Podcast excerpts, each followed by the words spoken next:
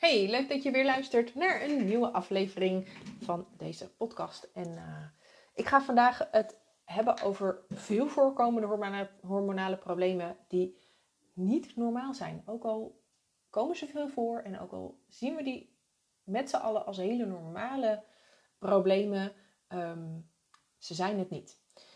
En ik vind het wel belangrijk om hier nog weer eens een keer aandacht aan te besteden. Omdat ik zo vaak vrouwen spreek die zeggen: ja, maar dat is nou eenmaal zo. Of uh, die, die, dan een of andere rotopmerking van, van, van hun werk, een partner of zelfs de huisarts krijgen over: ja, uh, leer er maar mee leven. Of dit is het nu eenmaal. En dat is echt niet waar en echt niet nodig om gebukt te gaan onder die hormonale problemen. Um, en ik zie dan ook dat veel vrouwen dus last hebben van hormonale problemen. Terwijl ze zich dus niet realiseren dat deze problemen niet normaal zijn en er dus ook niet bij horen, zoals zo vaak wordt geconcludeerd.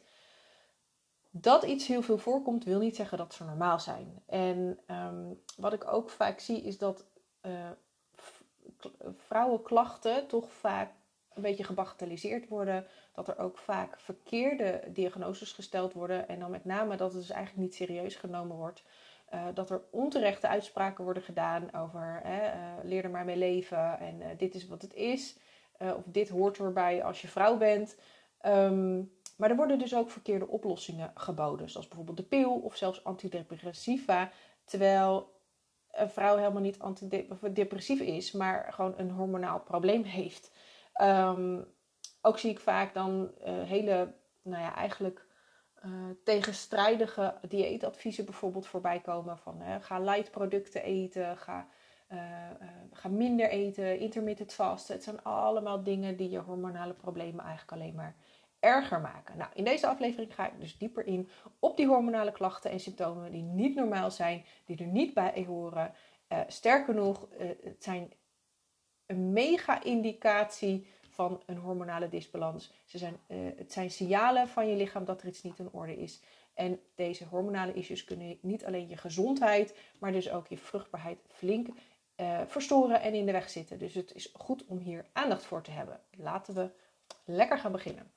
Nou, je hormonen zijn signaalstoffen die al jouw cellen instructies geven over wat ze moeten doen. En op welk moment en op welke manier. Als er iets in de communicatie tussen je brein, wat eigenlijk het controlecentrum van het hele gebeuren is, en je hormoonklieren, waar dus je hormonen worden afgegeven aan het bloed, hè, zoals je schildklier of je eierstokken, um, dan krijgen cellen niet de juiste instructies. Je hormonen hebben invloed op, nou, ik zou willen zeggen, bijna alles wel in je lijf. Van je hongergevoel tot je slaap, je stemming, vetopslag, maar dus ook vetafbraak. Eh, metabolisme, je energie en dus ook je vruchtbaarheid. Veel voorkomende hormonale klachten in relatie tot vruchtbaarheid en dan met name uh, de menstruatiecyclus worden veelal onder de noemer PMS ondergebracht. Nou, naar schatting heeft zo'n 80% van de vrouwen in meer of mindere mate last van PMS-klachten. En um, wat daar eigenlijk allemaal onder geschaard wordt, zijn dingen als vermoeidheid, stemmingswisselingen, zoals bijvoorbeeld je depri voelen of uh, onevenredig boos of geïrriteerd zijn. Of juist uh, gevoelens van angst en onrust. Met name als dat nou ja, een beetje een soort van cyclisch iedere keer terugkomt. Uh, ook cravings, gevoelige borsten, verminderde energie. Met name energiedipjes in de middag of na een maaltijd. Hoofdpijn of zelfs terugkerende migraine. Vocht vasthouden, slechter slapen. Het komt allemaal vaker voor. En dan met name in zeg maar, de laatste fase van je cyclus. Heb je pech? Dan, uh, ik spreek dus ook soms wel eens vrouwen die um, uh, echt gewoon na ovulatie uh, in deze hele cyclus zitten. Dus die eigenlijk bijna twee weken van hun cyclus last hebben van PMS-achtige klachten, zoals ik net aangaf. Nou, ook tijdens je menstruatie kunnen er allerlei symptomen zijn die aantonen dat er iets niet in orde is. Spotting of bruin bloed voorafgaand aan je menstruatie, met name als dat langer is dan een dag. Um, hevige bloedingen, stolsels, met name als ze vrij groot zijn. Hevige pijn, vooral rondom je buik, je rug en je benen, soms uitstralend. Uh, lange menstruaties, dus als het langer dan zeg maar een dag of vijf is. Of juist hele korte menstruaties met weinig bloedverlies. Of misschien zelfs menstruaties die helemaal wegblijven. Uh, een onregelmatige cyclus, waarbij die, die dus qua lengte steeds wisselt. Het zijn allemaal signalen dat je hormonen niet helemaal functioneren zoals ze zouden moeten. Um, verder kan je ook last hebben van problemen rondom je ovulatie, zoals kiestes op je eierstokken, een onregelmatige of een vertraagde ovulatie. Dus dan vindt die eigenlijk te laat in je cyclus plaats. Spotting rondom je ovulatie of pijn en misselijkheid rondom je ovulatie komen ook best wel vaak voor. Nou, en andere problemen die in relatie kunnen worden gebracht met zeg maar, meer een algemene hormoondisbalans zijn acne, met name hè, dus, dus hormonale acne gewichtstoename of moeite hebben met gewicht verliezen, endometriose, vleesbomen, PCOS, eh, moeite hebben met, uh, om zwanger te worden of um, te blijven of terugkerende miskramen. Het zijn allemaal signalen. Nou, zoals je ziet is het bijna je hele cyclus kunnen er zich wel problemen voordoen. Uh, grote kans dat je zelf ook last hebt van één of meerdere van deze klachten. En dat je ook genoeg vrouwen in je omgeving kent die hier ook last van hebben. Het is dan ook dus niet zo gek dat we deze klachten en symptomen allemaal als normaal zijn gaan zien. Want als bijna iedereen er last van heeft, dan zal het er wel bij horen, toch? Dat is een beetje de gedachte. Nou, ik kan je vertellen dat dat dus niet zo hoeft te zijn. Ja, soms gaan de hormonale schommelingen gepaard met wat ongemak. Maar veel meer dan ongemak zou het ook niet moeten zijn. Dus zodra het echt klachten worden, of je, eh, waardoor je niet meer in staat bent om goed te functioneren of te genieten van je dag, of dat er bijvoorbeeld weken eh, zijn waarin je gewoon echt niet, uh, niet lekker voelt, dan is dat een serieus teken aan de wand om iets mee te gaan doen. Nou, heb je een kinderwens, maar wil het niet lukken en herken je de klachten die ik net beschreef, dan is het dus belangrijk om hiermee aan de slag te gaan. Nou, en de eerste stap is eigenlijk inzicht krijgen in je hormonen. Uh, met name dus in je cyclus. Dus we gaan het alleen even hebben over de hormonen die gerelateerd zijn aan je cyclus en je vruchtbaarheid. Um, om vervolgens de oorzaak te kunnen achterhalen. Ik zie veel te veel symptoombestrijding. Dus vaak is het ja, nou ja, ik heb een supplement gekregen en, en uh, ik, ik heb een bloedtest gedaan, maar er kwam niks uit. Ik heb een pilletje gekregen, de pil wordt voorgeschreven, anticonceptie. Um, eigenlijk allemaal labmiddelen, want je weet niet precies wat de oorzaak is. Inzicht in je cyclus krijg je alleen als je het objectief gaat bijhouden. En dan heb ik het dus niet over het bijhouden van je menstruatie in een app of uh, je ovulatie checken aan de hand van ovulatiestrips, maar iedere dag consistent even kijken wat gebeurt er nou precies, hoe voel ik me, wat valt me op, hoe zit ik in mijn energie, wat heb ik gedaan, wat heb ik gegeten, hoe heb ik geslapen, hoe zit het met mijn baarmoederslijm? Uh, en, en zeg maar afscheiding, uh, hoe is mijn basale lichaamstemperatuur. Het zijn namelijk allemaal belangrijke indicatoren van je gezondheid en met name ook je hormoongezondheid. Op zich, dit lijkt heel ingewikkeld, maar je hoeft hier echt niet heel lang mee bezig te zijn. De meest simpele methode hiervoor, en die geef ik eigenlijk ook altijd mijn klanten wel mee, um, is om een vel papier te pakken, daar de nummers 1 tot en met 30 onder elkaar te zetten en dan iedere dag even inchecken bij jezelf en de meest opvallende dingen noteren. dat kan dus bijvoorbeeld zijn dat je zegt: uh, vandaag uh, voelde ik me een beetje down. Of uh, ik zat vandaag enorm goed in mijn energie. Ehm, ik had vandaag de hele dag honger. Ik was erg moe vanavond. Nou, allemaal dat soort dingen kun je kun je bijhouden. Het kan een woord zijn, het kunnen misschien twee of drie woorden zijn of een kort zinnetje. Um, maar dat is meer dan voldoende om in eerste instantie mee te beginnen. Nou, een vervolgstap is wat ik de Fertility Awareness methode noem. Ik heb daar niet echt een uh, lekkere Nederlandse naam voor. Um, maar daarbij ga je eigenlijk gewoon iedere dag je basale lichaamstemperatuur bijhouden, je baarmoederslijm uh, bijhouden, want dat verandert gedurende je cyclus. En ook je baarmoedermond controleren, omdat die ook um, ja, eh, gedurende je cyclus van, van um, eigenlijk positie verandert. En dit zijn drie hele belangrijke indicatoren die iets zeggen over je vruchtbare dagen. Um, en met name wanneer je ovulatie is geweest.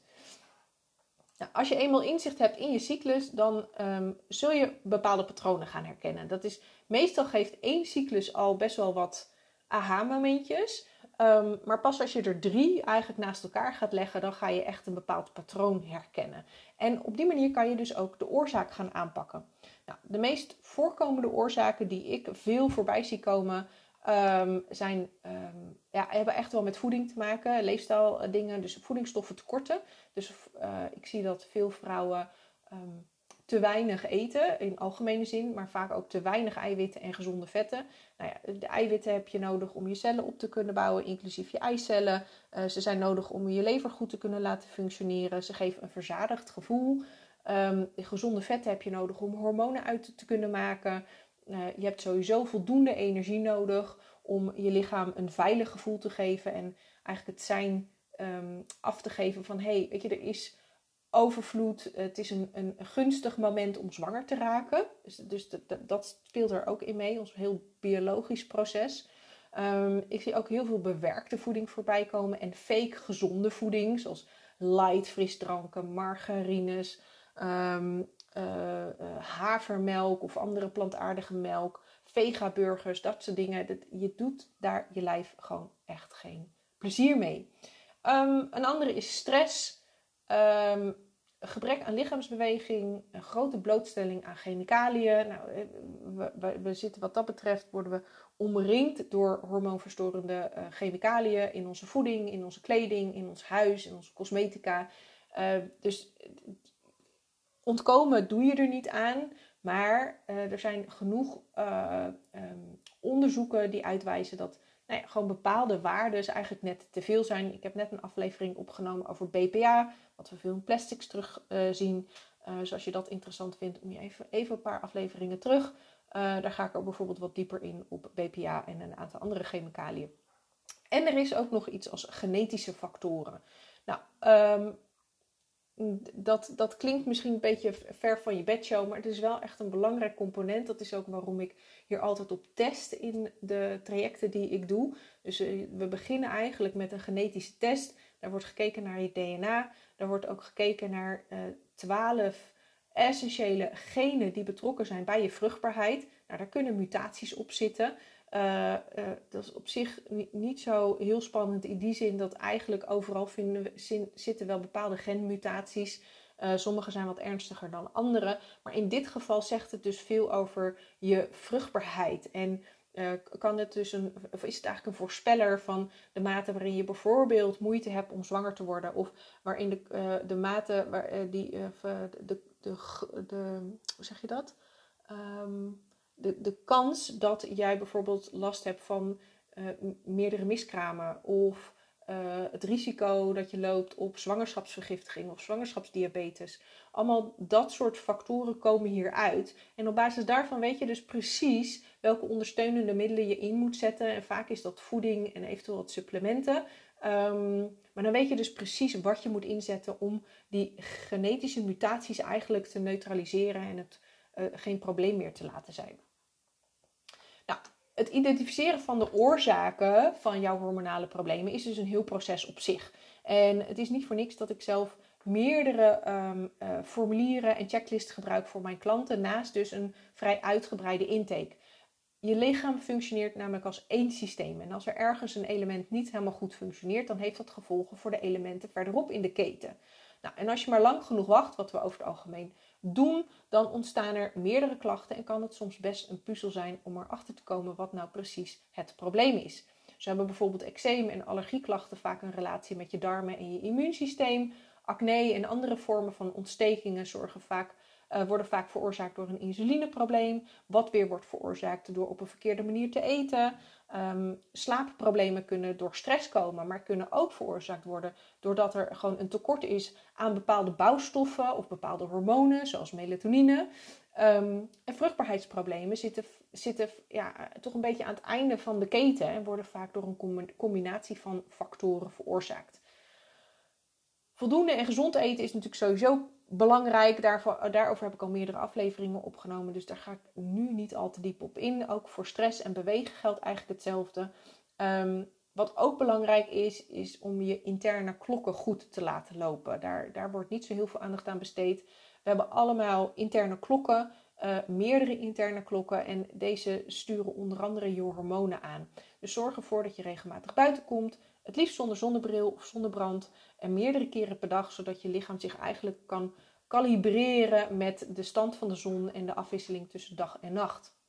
Nou, um, tot slot is het soms ook raadzaam om echt nog wat dieper in, in, in de oorzaak van je klachten te duiken. Zeker als alle standaardadviezen nog niet tot het gewenste resultaat hebben geleid. Um, wellicht is er dan sprake dus van zo'n genetisch component waar ik het net over had, die voor net even iets grotere uitdagingen zorgt. Ik maak hier in mijn trajecten gebruik van. Het is een unieke bloedtest. Ik ben hem nog niet uh, vaker tegengekomen. Um, het is een vingerprikje die je gewoon zelf thuis uh, doet. Uh, waar dus 12 genetische elementen worden getest die van invloed zijn op je vruchtbaarheid. Nou, gemiddeld hebben de vrouwen die ik begeleid tussen de 2 en de 5 van dit soort mutaties. En um, daarmee wordt het dus ineens heel duidelijk welke onderliggende problemen er nog meer meespelen. Nou, misschien is dat nu even een stapje te ver voor je om, uh, om daar meteen in te duiken. Um, maar dan is mijn masterclass natuurlijk zwanger wel een goed startpunt. Ik ga dieper in op een aantal veel voorkomende oorzaken van vruchtbaarheidsproblemen. Um, maar dan niet de, de, echt voor de hand liggende dingen, maar echt wel de, de oorzaken waar ja, niet zo heel veel aandacht aan wordt besteed, die voor de meesten toch wat onbekender zijn.